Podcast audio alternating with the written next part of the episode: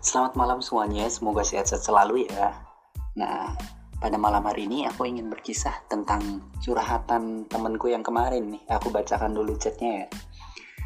Jadi, aku suka sama teman kelas kak. Terus aku kan orangnya rada gila. Awalnya mau bercanda, eh baper sendiri. Ternyata dia suka sama teman kelas aku juga kak. Aku baper soalnya dia ngasih aku surat duluan kak. Hmm, saya mencoba untuk uh, memaparkan apa yang sebenarnya dia curhatkan begini. Awalnya Delisha dan sahabat cowoknya itu cuman teman biasa cuman tem cuman sekedar teman kelas biasa kan. Nah kemudian lambat laun cowoknya itu menaruh hati padanya. Oh gitu Uh, lanjut, Delisha pun menanggapinya biasa aja awalnya, awalnya doang. Namun karena manisnya rayuannya, janjinya dalam sandiwara yang terlihat begitu meyakinkan, akhirnya Delisha semakin uh, termakan modusnya seperti itu. Ya iyalah, cowok memang pandai bersandiwara, walaupun dalam tipu daya asik. Uh, lanjut ya.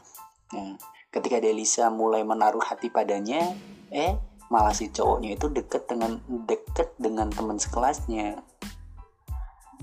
Cemburu bukan kemauan bukan kemauan Delisa namun hatinya menolaknya.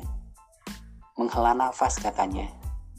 Ketika melihat teman cowoknya bersenda gurau dengan teman sekelasnya. Begitu romans kedekatan mereka membuat terlung hati Delisa satu persatu mulai patah. Pikirannya berserakan tak karuan. Delisa mencoba terlihat kuat ketika tangan perpisahan ditapai patas penantian. Yo, sudahlah Delisa. Tak usah kau sesali akan getirnya spektrum cinta segitigamu. Setidaknya, historismu ini mengajarkanmu untuk bisa mengepakkan sayap kedewasaan, bukan?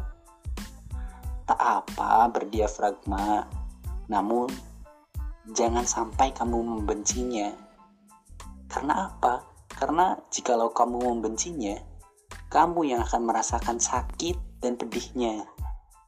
Dia tak akan mempedulikannya karena dia sedang asik dengan teman sekelasnya. Seperti itu. Terima kasih ya teman-teman.